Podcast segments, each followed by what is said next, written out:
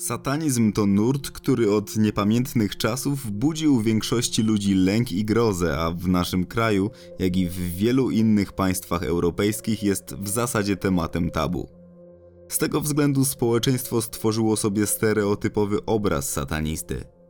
Wiele osób sądzi, że satanista to człowiek noszący czarne ubrania i słuchający muzyki metalowej, który pod osłoną nocy wybiera się na czarne msze, na których to oddaje cześć diabłu. Oczywiście to przekonanie nie wzięło się z niczego. Przez lata ludzie definiujący się jako sataniści nosili właśnie ciemne stroje i otwarcie mówili o swojej sympatii do zła. Z drugiej jednak strony tego terminu nie da się całkowicie zgeneralizować. Wielu satanistów podchodzi do swoich przekonań w sposób filozoficzny. Nie traktują oni diabła jako istniejącego ducha, ponieważ nie wierzą w niego w taki sposób, w jaki katolicy wierzą w Boga. Szatan jest dla nich jedynie symbolem buntu, ponieważ to on jako pierwszy sprzeciwił się swojemu stwórcy. Tak samo i oni przeciwstawiają się różnym wartościom, poglądom, a czasem również bardziej przyziemnym życiowym aspektom, takim jak chociażby władza. Aby lepiej zrozumieć nurt satanistyczny, można porównać go z dominującą w Polsce religią chrześcijańską. Chrześcijanie nie uważają bowiem siebie za pierwszych i najważniejszych. Religia katolicka nakazuje sądzić, iż człowiek nie jest najbardziej doskonałą istotą, jaka kiedykolwiek powstała. Na pierwszym miejscu znajduje się Bóg Stwórca, który stworzył człowieka i może wynagrodzić mu dobre uczynki na ziemi w postaci życia wiecznego w raju. Według idei satanizmu to właśnie człowiek jest na pierwszym miejscu. To egocentryczne podejście sprawia, iż sataniści nie chcą podporządkowywać się żadnej władzy. Wierzą w to, że to oni są panami swojego losu, nie mają nadziei na życie wieczne, natomiast szanują elementy natury, ponieważ sami po śmierci w sposób nieunikniony staną się jej częścią. Temat sekt, jak i indywidualnego podejścia do życia od lat jest dla mnie niezwykle interesujący. Często nurtują mnie pytania dotyczące tego, dlaczego już od zarania dziejów w wierzeniach politeistycznych wśród wielu bogów zawsze znajdował się ten przynajmniej jeden zły. Starożytni Egipcjanie mieli swojego Seta, Grecy natomiast Ate. Zauważcie, że nawet w bajkach dla dzieci często pojawiały się złe postacie i zazwyczaj były one przedstawiane bardzo barwnie. Stąd też wniosek, że zło, choć społecznie nieakceptowalne, stanowi w życiu swego rodzaju kontrast, bez którego nasza egzystencja byłaby dosyć monotonna. Interesujące jest również to, jak na przestrzeni dziejów zmieniało się podejście do satanizmu. Pierwsze wzmianki o wyznawcach złego ducha pojawiały się już w starożytności. W czasach średniowiecznych, które były uznawane za złotą erę chrześcijaństwa, satanizm był zupełnie niedopuszczalny, a jego wyznawcy karani śmiercią. Wyolbrzymiony strach przed diabłem był powodem działania inkwizycji, która tak naprawdę zabiła więcej niewinnych osób, w tym kobiety posądzone o czary, niż rzeczywistych wrogów kościoła, jednak to temat na inny odcinek. Jeśli chodzi o czasy najnowsze, to zauważyłem, że każda forma pokazania swojej wyjątkowości jest przez media bardzo aprobowana. Również i satanizm, oczywiście tak długo jak ludzie wyznający ten nurt nie krzywdzą drugiej osoby. Pewnie domyślacie się, że nie rozpocząłem dzisiejszego podcastu w ten dość nietypowy sposób bez powodu. Tym razem chcę Wam bowiem opowiedzieć o ostatnim rytualnym mordzie, który miał miejsce w Polsce pod koniec lat 90. XX wieku. Chodzi o wyjątkowo brutalną zbrodnię dokonaną właśnie na tle satanistycznym. Nie zdradzając zbyt wiele, zapraszam do wysłuchania materiału. Wszystko, o czym dziś opowiem, działo się końcem lat 90. w Rudzie Śląskiej, a konkretnie w jej południowej dzielnicy o nazwie Halemba. Populacja ludzi zamieszkujących właśnie tę część miasta w roku 1999 wynosiła nieco ponad 25 tysięcy mieszkańców. Wśród nich znalazł się Tomasz Suszyna. Mężczyzna miał wtedy 21 lat. Mieszkał na parterze w jednym z ludzkich bloków wraz z matką i dwoma braćmi. Rok wcześniej na raka zmarł jego ojciec. Tomek był osobliwą postacią. Z jednej strony chłopak był bardzo skryty i wręcz niechętny, aby nawiązywać kontakty z innymi osobami, a z drugiej wykazywał się dosyć wysokim ilorazem inteligencji, a rodzina czy sąsiedzi wypowiadali się o nim w pozytywny sposób. Szkole Tomasz był uznawany za jednego z najlepszych uczniów i nigdy nie miał problemów z nauką.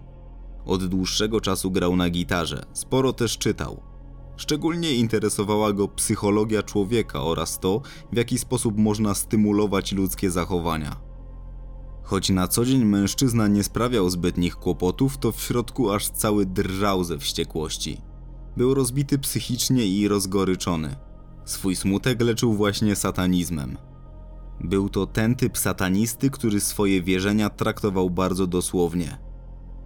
Tomasz słuchał ciężkiej muzyki, ubierał się na czarno, a z czasem przełamał niechęć do wszystkich ludzi i znalazł sobie znajomych, których równie mocno interesował okultyzm i potajemne mroczne praktyki. Jednym z nich był Robert Krakowian. Chłopak był rok młodszy od Tomka. W 1999 roku skończył 20 lat. Robert uczęszczał do technikum budowlanego, jednak w przeciwieństwie do starszego kolegi osiągał bardzo słabe wyniki w nauce. Krakowian również nie był zbyt towarzyski. Jego naturę moglibyśmy określić jako introwertyczną. Mężczyzna potrafił kilka dni nie wychodzić z pokoju. Był zbuntowany, miał wielki żal do ojca, który zostawił rodzinę. Ten młody mężczyzna nie był jednak wcale cichym, spokojnym człowiekiem spędzającym czas wolny w bibliotece. Już jakiś czas wcześniej policja bacznie mu się przyglądała. Był on bowiem podejrzany o zdewastowanie jednego z miejscowych cmentarzy, jednak niczego nie udało mu się udowodnić. Robert był podatny na wpływy. Wokół palca okręcił go sobie właśnie Tomasz Suszyna, który podobnie jak Robert fascynował się okultyzmem i postacią szatana. Były to lata 90., czyli czasy, w których to dynamicznie rozwijała się subkultura metalowców. Spora część z nich definiowała się jako sataniści. Takich ludzi nie brakowało również w Rudzie Śląskiej. Z satanizmu robili sobie oni świetną zabawę. Był to czas na wspólne wieczorne spotkania, na których w bardziej lub mniej profesjonalny sposób odprawiano czarne msze, a następnie pito spore ilości alkoholu i uprawiano przygodny grupowy seks. Dla wielu z tych młodych ludzi było to zwykłe oderwanie od rzeczywistości – Później wracali oni do swoich domów i zachowywali się we względnie normalny sposób.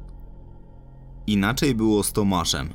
Dwudziestolatek nie traktował kultu diabła jako kilkurazowej przygody. Zaczytywał się w różnych tekstach nawiązujących do satanizmu. Uczył się również języka łacińskiego, aby móc odprawiać czarne msze i tworzyć wręcz przerażające spektakle. Okazało się, że mężczyzna ma dosyć dobrze rozwinięte umiejętności przywódcze – Potrafił podporządkować sobie nie tylko Roberta Krakowiana, ale również i jego najlepszego przyjaciela, Kamila Wojewodę. Kamil z Robertem przyjaźnił się już od czasów szkoły podstawowej. Koledzy dosyć szybko poznali muzykę metalową i zaczęli fascynować się nurtem satanistycznym. Rodzice Kamila odkryli, że ich syn coraz bardziej pogrąża się w tej subkulturze, dlatego starali się reagować. Z tego powodu chłopak kilkukrotnie odwiedzał gabinet psychologa. Nie chciał już dłużej prowadzić wojny z rodzicami, dlatego zapewniał ich, że raz na zawsze wyzbył się fascynacji złem. Nie była to jednak prawda, a mężczyzna nadal uczęszczał na spotkania satanistycznych grup w Rudzie Śląskiej. I tak mijał dzień za dniem i miesiąc za miesiącem. Za dnia ci młodzi ludzie byli w pracy lub w szkole – Wieczorami umawiali się na potajemne spotkania, które bez wątpienia wywoływały w nich niemały dreszczyk emocji.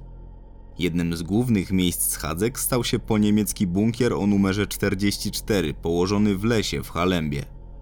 Ten schron bojowy idealnie pasował młodym satanistom. W środku było ciemno i zimno, a surowe ściany bunkra tworzyły naprawdę niepokojący, wręcz mroczny klimat. Podczas spotkań regularnie palono świece, organizowano czarne msze, a także czytano Biblię szatana. Tomek, Robert, Kamil i reszta ich znajomych naprawdę wierzyła w to, że są oni świadkami czegoś wyjątkowego. Czegoś, do czego szary obywatel zupełnie nie ma dostępu i to było dla nich tak bardzo ekscytujące. Ci młodzi ludzie cenili to, że w bunkrze mogli stworzyć naprawdę niepowtarzalny klimat, gdyż wokół panowała cisza i wieczorami w tamte rejony nikt w zasadzie się nie zapuszczał. Tomasz Suszyna świetnie odnajdywał się w roli mistrza ceremonii. 21-latek namiętnie uczył się nazw demonów i innych istot piekielnych. Za dnia sprawiał wrażenie zamkniętego w sobie młodego człowieka. Nocą rozpościerał skrzydła i z dumą przewodził czarnym mszom, na których to wzywał demony i prosił je, aby stąpiły na ziemię. Niedorzeczną ciekawostką jest to, że pomimo swych satanistycznych praktyk, Tomek regularnie uczęszczał na mszę świętą do kościoła. Nie wiadomo, czy było to spowodowane presją ze strony otoczenia, czy mężczyzna po prostu w ten sposób drwił z katolicyzmu. Udało się ustalić, że Tomasz zorganizował coś na wzór sekty, w której to on pełnił rolę osobnika alfa. Kazał innym nazywać się Adamem. Tym imieniem nawiązywał oczywiście do biblijnego Adama, czyli pierwszego człowieka wygnanego z raju. 21-latek cieszył się z tego, jak wielkim uznaniem darzy go kilka osób z satanistycznej grupy. Wręcz z dumą odprawiał dla nich kolejne czarne msze. Z czasem same ceremonie przestały mu jednak wystarczać. Wtedy zaczęły się rozmowy z jego najbardziej zaufanym człowiekiem, czyli Robertem Krakowianem. Tomasz przekonywał kolegę, że dla szatana same inscenizacje to zdecydowanie za mało. Wmawiał mu, iż diabeł najbardziej ceni sobie ludzkie życie, a oni, zabijając w jego imię, mogliby zapewnić sobie wieczną chwałę w piekle. Niestety Robert dawał sobą manipulować i wierzył w ten stek bzdur. Ten młody człowiek miał już wtedy zniekształcony system wartości i bardzo zależało mu na zdobyciu przychylności pana piekieł. Mężczyźni przez blisko 6 miesięcy planowali rytualną zbrodnię i poszukiwali odpowiednich ofiar do uśmiercenia. Warto wspomnieć, że Tomasz był w tym czasie w związku z dziewczyną o imieniu Ania. Co więcej, za jakiś czas miało mu się urodzić dziecko, ponieważ ta młoda kobieta była wtedy w ciąży. 21-latek zamiast zadbać o przyszłość rodziny, bawił się w satanistycznego przywódcę i z pełnym wyrachowaniem planował morderstwo. Przyjaciele uznali, że szatan ucieszy się, jeśli złożą mu ofiarę z kobiety i mężczyzny. Na swoją ofiarę wytypowali bliskiego przyjaciela, wspomnianego już wcześniej Kamila Wojewodę. Nie mogli jednak znaleźć kobiety, którą to pozbawią życia. Tomasz początkowo myślał o swojej dziewczynie Ani, jednak zrezygnował z tego pomysłu.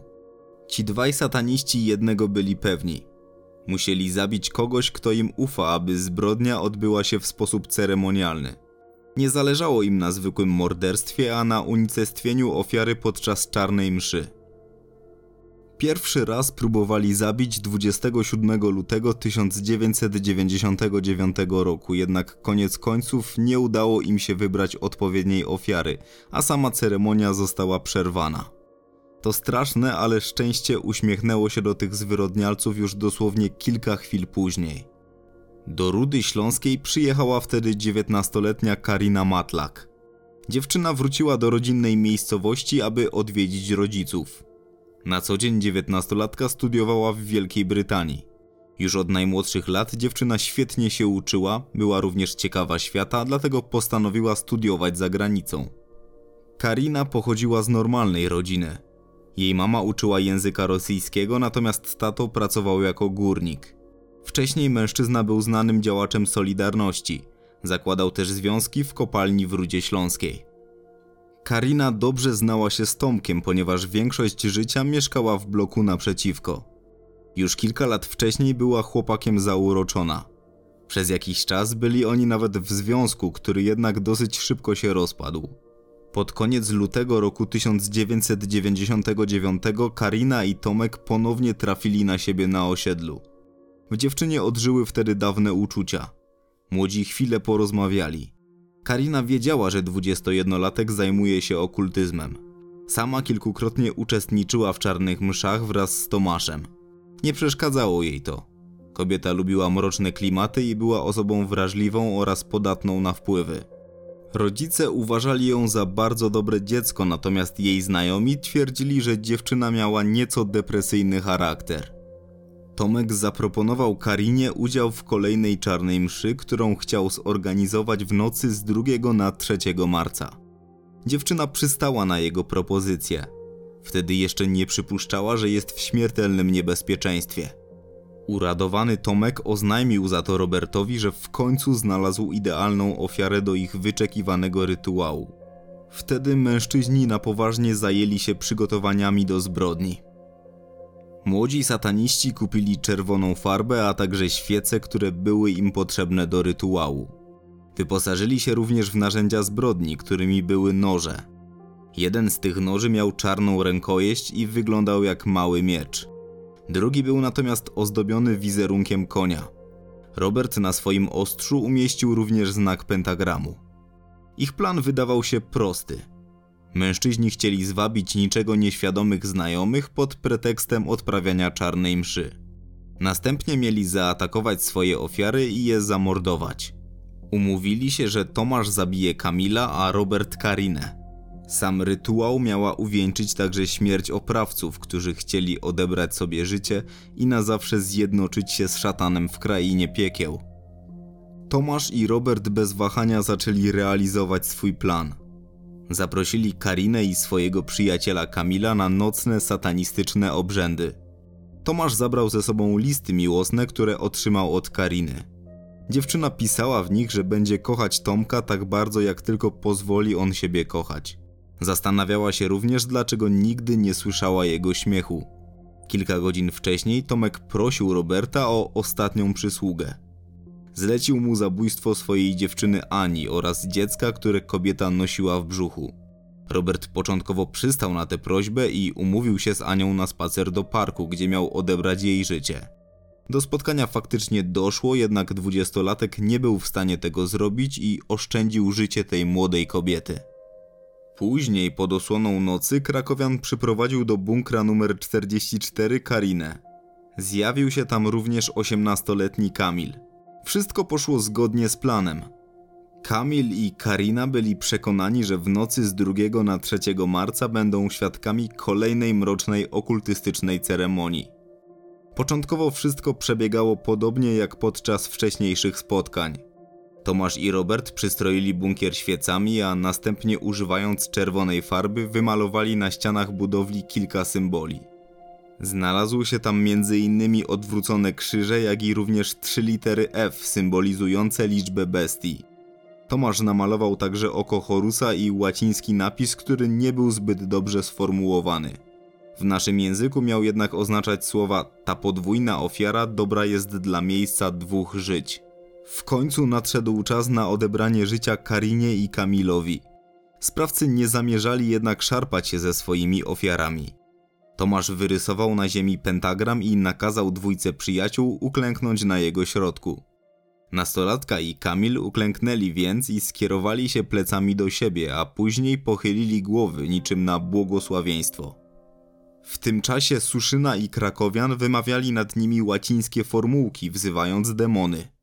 Mniej więcej w połowie rytuału mężczyźni wyciągnęli noże i znienacka zadali nimi ciosy swoim znajomym. Kamil po otrzymaniu pierwszego uderzenia gwałtownie obrócił się i spojrzał na Roberta, co zmroziło krew w jego żyłach. Nie zaprzestał on jednak swoich działań i tym razem dźgał już na oślep, zadając niewinnemu chłopakowi przynajmniej osiem ciosów w głowę i korpus, po których Kamil bezwładnie osunął się na ziemię i zmarł. Karina próbowała walczyć o swoje życie. Krzyczała i broniła się. Błagała Roberta, aby ten powstrzymał rozwścieczonego Tomasza. Krakowian nie pomógł jednak dziewiętnastolatce, a ta po kilku minutach dramatycznej walki o życie także upadła na twardą posadzkę martwa.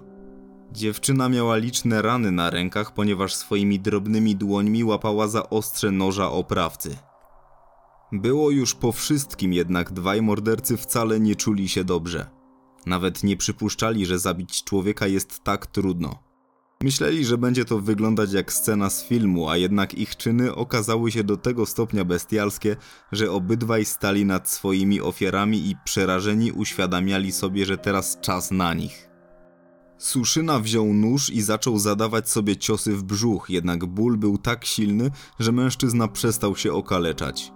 Krakowian nawet nie próbował odebrać sobie życia.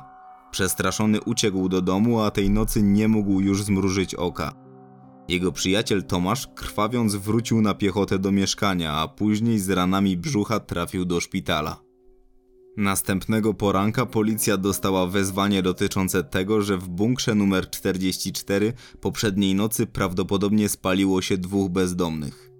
Funkcjonariuszom szybko udało się zidentyfikować zmarłe osoby. Okazało się, że jest nimi dwoje nastolatków, Karina Matlak i Kamil Wojewoda. Ustalono, iż poprzedniego wieczora Karina spotkała się nie z kim innym jak z Robertem Krakowianem. Policjanci szybko dotarli do podejrzanego. Ten, przekonany o tym, że śledczy już o wszystkim wiedzą, potwierdził, że to on stoi za śmiercią tych dwojga ludzi. Powiedział również o swoim wspólniku, Tomaszu Suszynie. Tomek stanowczo zaprzeczał, jakoby miałby mieć jakikolwiek udział w tej zbrodni. Przyznał, że często bywał uczestnikiem satanistycznych obrzędów i tej nocy także był w bunkrze. Jak twierdził, sam padł wtedy ofiarą szaleńczego Roberta, który zaatakował wszystkich uczestników czarnej mszy nożem. Jako dowód swej prawdomówności wskazał kilka ran na brzuchu, które miał zadać mu krakowian. Śledczy nie uwierzyli w jego zeznania, ponieważ ustalono, iż Karina i Kamil nie zostali zabici przez jednego sprawcę. Jeden z napastników był bowiem leworęczny, tak samo jak Tomasz. Wtedy 21-latek wiedział już, że nie ma szans na uniknięcie kary za swoje czyny. W końcu i on przyznał się do zabójstwa, jednak zaprzeczał, jakoby miał podpalić ciała Kariny i Kamila. Kto więc to zrobił? Ciężko powiedzieć. Suszyna ciągle próbował zrzucać winę na Krakowiana. Przyznał się też do swoich satanistycznych praktyk i przewodniczenia rytuałom. W toku postępowania ustalono, że w morderstwie miał brać udział również 19-letni Piotr C., który w ostatniej chwili wycofał się z tego szaleńczego pomysłu. Nastolatek również został przesłuchany. Opowiedział on śledczym o okultystycznych rytuałach, których on sam był uczestnikiem oraz o orgiach, które miały mieć miejsce w czasie tych praktyk. Choć wydawało się to nieprawdopodobne, ten młody mężczyzna nie kłamał. Jego słowa potwierdziło kilka osób, m.in. 19-letnia Katarzyna Esz oraz Ireneusz D., którzy także brali udział w tychże obrzędach. Tomek i Robert opowiedzieli policjantom o zbrodni ze szczegółami.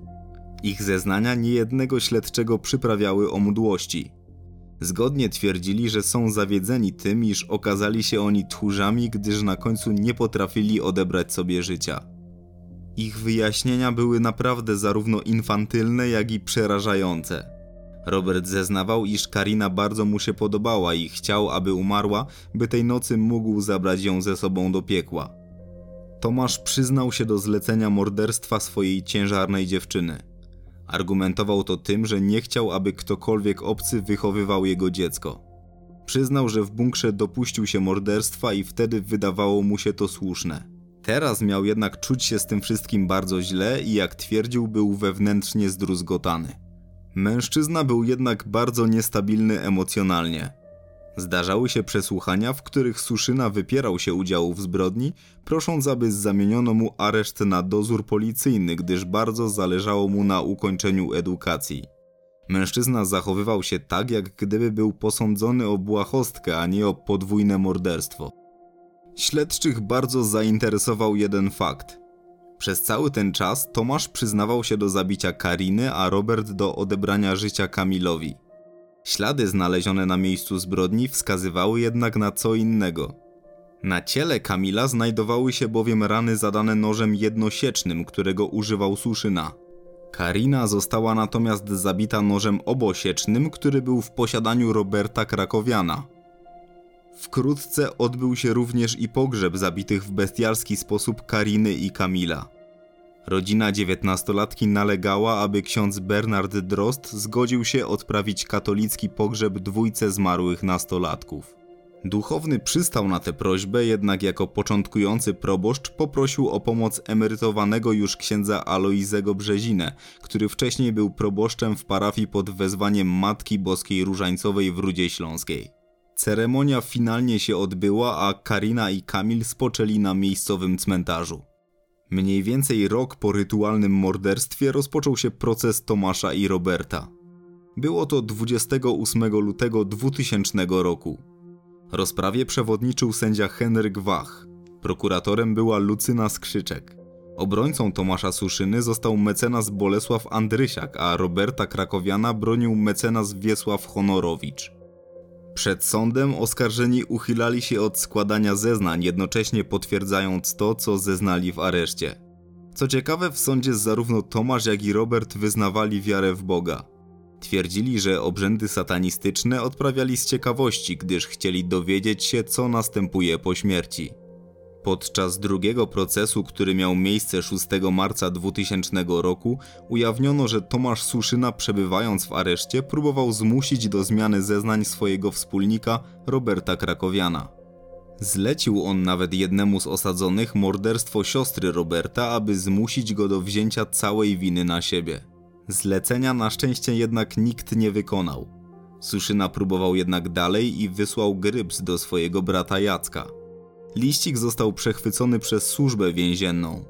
Jego treść jednoznacznie wskazywała na to, że 21-latek chciał uniknąć sprawiedliwości uciekając z więziennego konwoju. O pomoc prosił innego bandytę, który również miał na imię Jacek i oferował 100 tysięcy złotych za odbicie go z więziennego transportu. Były to kolejne dowody wskazujące na wyrachowanie i bezwzględność Suszyny. 13 marca 2000 roku podczas trzeciego procesu w sprawie satanistów zeznawali specjaliści z różnych dziedzin kryminalistyki, w tym patolodzy czy psychiatrzy sądowi. Według opinii biegłych zarówno Tomasz jak i Robert byli osobami poczytalnymi. Co prawda obaj mieli zaburzenia osobowości w zakresie uczuciowości wyższej, ale w opinii specjalistów nie miały one wpływu na ich poczytalność podczas dokonywania zbrodni. Jeden z psychiatrów mówił wtedy o Robercie. Pełen urazy, wrogości, zahamowany, nieufny, z niskim poczuciem wartości. W procesie brał udział również ksiądz Andrzej Kołek, który był związany z Katedrą Filologii Klasycznej Uniwersytetu Śląskiego. Duchowny przetłumaczył łacińskie sentencje, które Tomasz i Robert mieli przygotowane na kartkach. Ksiądz Kołek stwierdził, iż sprawcy próbowali użyć sentencji ofiarnych, które zostały przekształcone ze ślubów zakonnych. Suszyna i Krakowian nie znali jednak podstawowych zasad gramatycznych języka łacińskiego, a same sentencje były pełne błędów. Czwarty dzień procesu, który miał miejsce 20 marca, był dla rodzin ofiar najbardziej traumatyczny. Wtedy to na sali sądowej odtworzono filmy z miejsca zbrodni, a na twarzy zabójców w końcu widać było skruchę, ponieważ wcześniej ich twarze były zimne jak głaz. Sąd nie zakazał mediom filmowania tych materiałów, jednak apelował o uszanowanie zmarłych osób i nierozpowszechnianie tychże filmów. 31 marca 2000 roku odbył się ostatni piąty dzień procesu, na którym zapadł też wyrok. Obrońca Roberta Krakowiana prosił o 15 lat pozbawienia wolności dla swojego klienta. Argumentował to tym, że mężczyzna przyznał się do zbrodni i wyraził skruchę. Obrońca Tomasza próbował złagodzić wyrok Suszyny twierdząc, że nie jest on potworem, jednak praktyki satanistyczne wypaczyły w nim umiejętność racjonalnego myślenia. Wspomniano również o młodym wieku sprawców. Krakowian przeprosił rodzinę zamordowanych, twierdząc, że bardzo żałuje tego, co zrobił. Suszyna prosił jedynie o łagodny wymiar kary. Sąd pozostał jednak nieugięty, a wyroki za ten potworny czyn były bardzo surowe. Sędzia uznał, że to morderstwo było doskonale zaplanowane, a sama jego motywacja wręcz przerażająca. Z tego względu Tomasz Suszyna został skazany na karę dożywotniego pozbawienia wolności. Sąd doliczył mu także kolejne 10 lat za zlecenie zabójstwa swojej ciężarnej dziewczyny Ani i siostry Roberta Krakowiana. Sam Krakowian otrzymał karę 25 lat pozbawienia wolności. Ciekawostką przytoczoną przez obrońcę Roberta było to, że Krakowian podczas jednego z procesów przywitał się z ojcem Kamila. Zdaniem prawnika nie wynikało to z cynizmu ani wyrachowania, a z tego, że zabójca doskonale znał rodzinę swojej ofiary i słowo dzień dobry powiedział po prostu z przyzwyczajenia. Obrońcy skazanych wnieśli apelację do sądu drugiej instancji.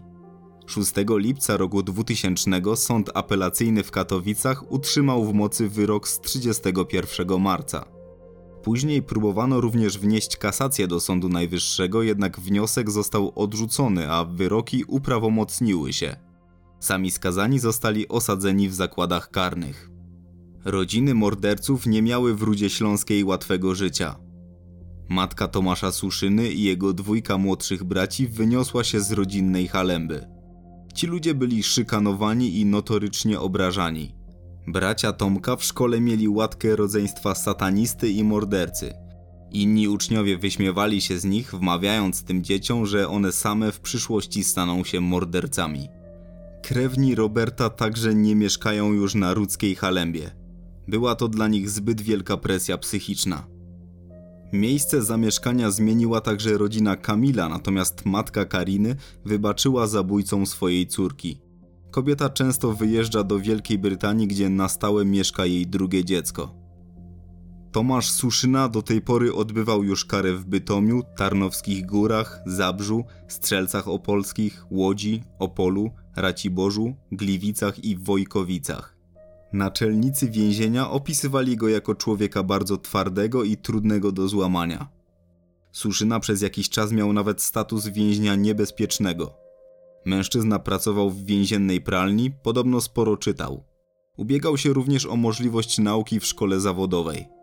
Udało mu się tę szkołę ukończyć. Od czasu do czasu do więzienia na widzenia przyjeżdża jego brat. Jedyną szansą dla mordercy na ujrzenie wolności jest ułaskawienie otrzymane od prezydenta. Suszyna wie, że nie może na nie liczyć. Jego była dziewczyna ułożyła sobie życie na nowo. Jej syn Adaś przyszedł na świat cały i zdrowy. Anna poznała innego człowieka i wyszła za mąż. Pod żadnym pozorem nie chce wracać pamięcią do tego, co działo się w roku 99. To dla kobiety przeszłość. Pytania dotyczące Tomasza i całej tej tragedii wywoływały w niej ataki paniki. Robert Krakowian, odsiadujący karę w Strzelcach Opolskich już za ponad dwa lata, bo w roku 2024 wyjdzie na wolność. W więzieniu nie sprawiał kłopotów i cieszył się dobrą opinią. Przez dłuższy czas pracował w przedsiębiorstwie produkcji obuwia na terenie więzienia. Cała ta sprawa jest mroczna i niezwykle szokująca. Ci z Was, którzy regularnie oglądają filmiki na YouTubie, prawdopodobnie spotkali się z urbexami, które były przeprowadzane w okolicach bunkra numer 44. Trzeba przyznać, że miejsce zbrodni jest przerażające, a sama wycieczka do tego ludzkiego lasu nocą wymaga odwagi. Faktem jest też, że bunkier od wielu lat się nie zmienia, a to miejsce wygląda tak samo mrocznie, jak gdyby ta zbrodnia była popełniona wczoraj, a nie 22 lata temu. Co prawda zamurowywano już wejście do bunkra, aby nie spraszać tam kolejnych śmiałków głodnych wrażeń. Nie stanowiło to wielkiej przeszkody dla ludzi, którzy za wszelką cenę chcieli się tam dostać. Przy pomocy młota z powrotem otwarli oni wejście do schronu. Przez lata pojawiło się kilka miejscowych legend, a sam bunkier i jego okolice uważane są za miejsce nawiedzone, którego lepiej unikać.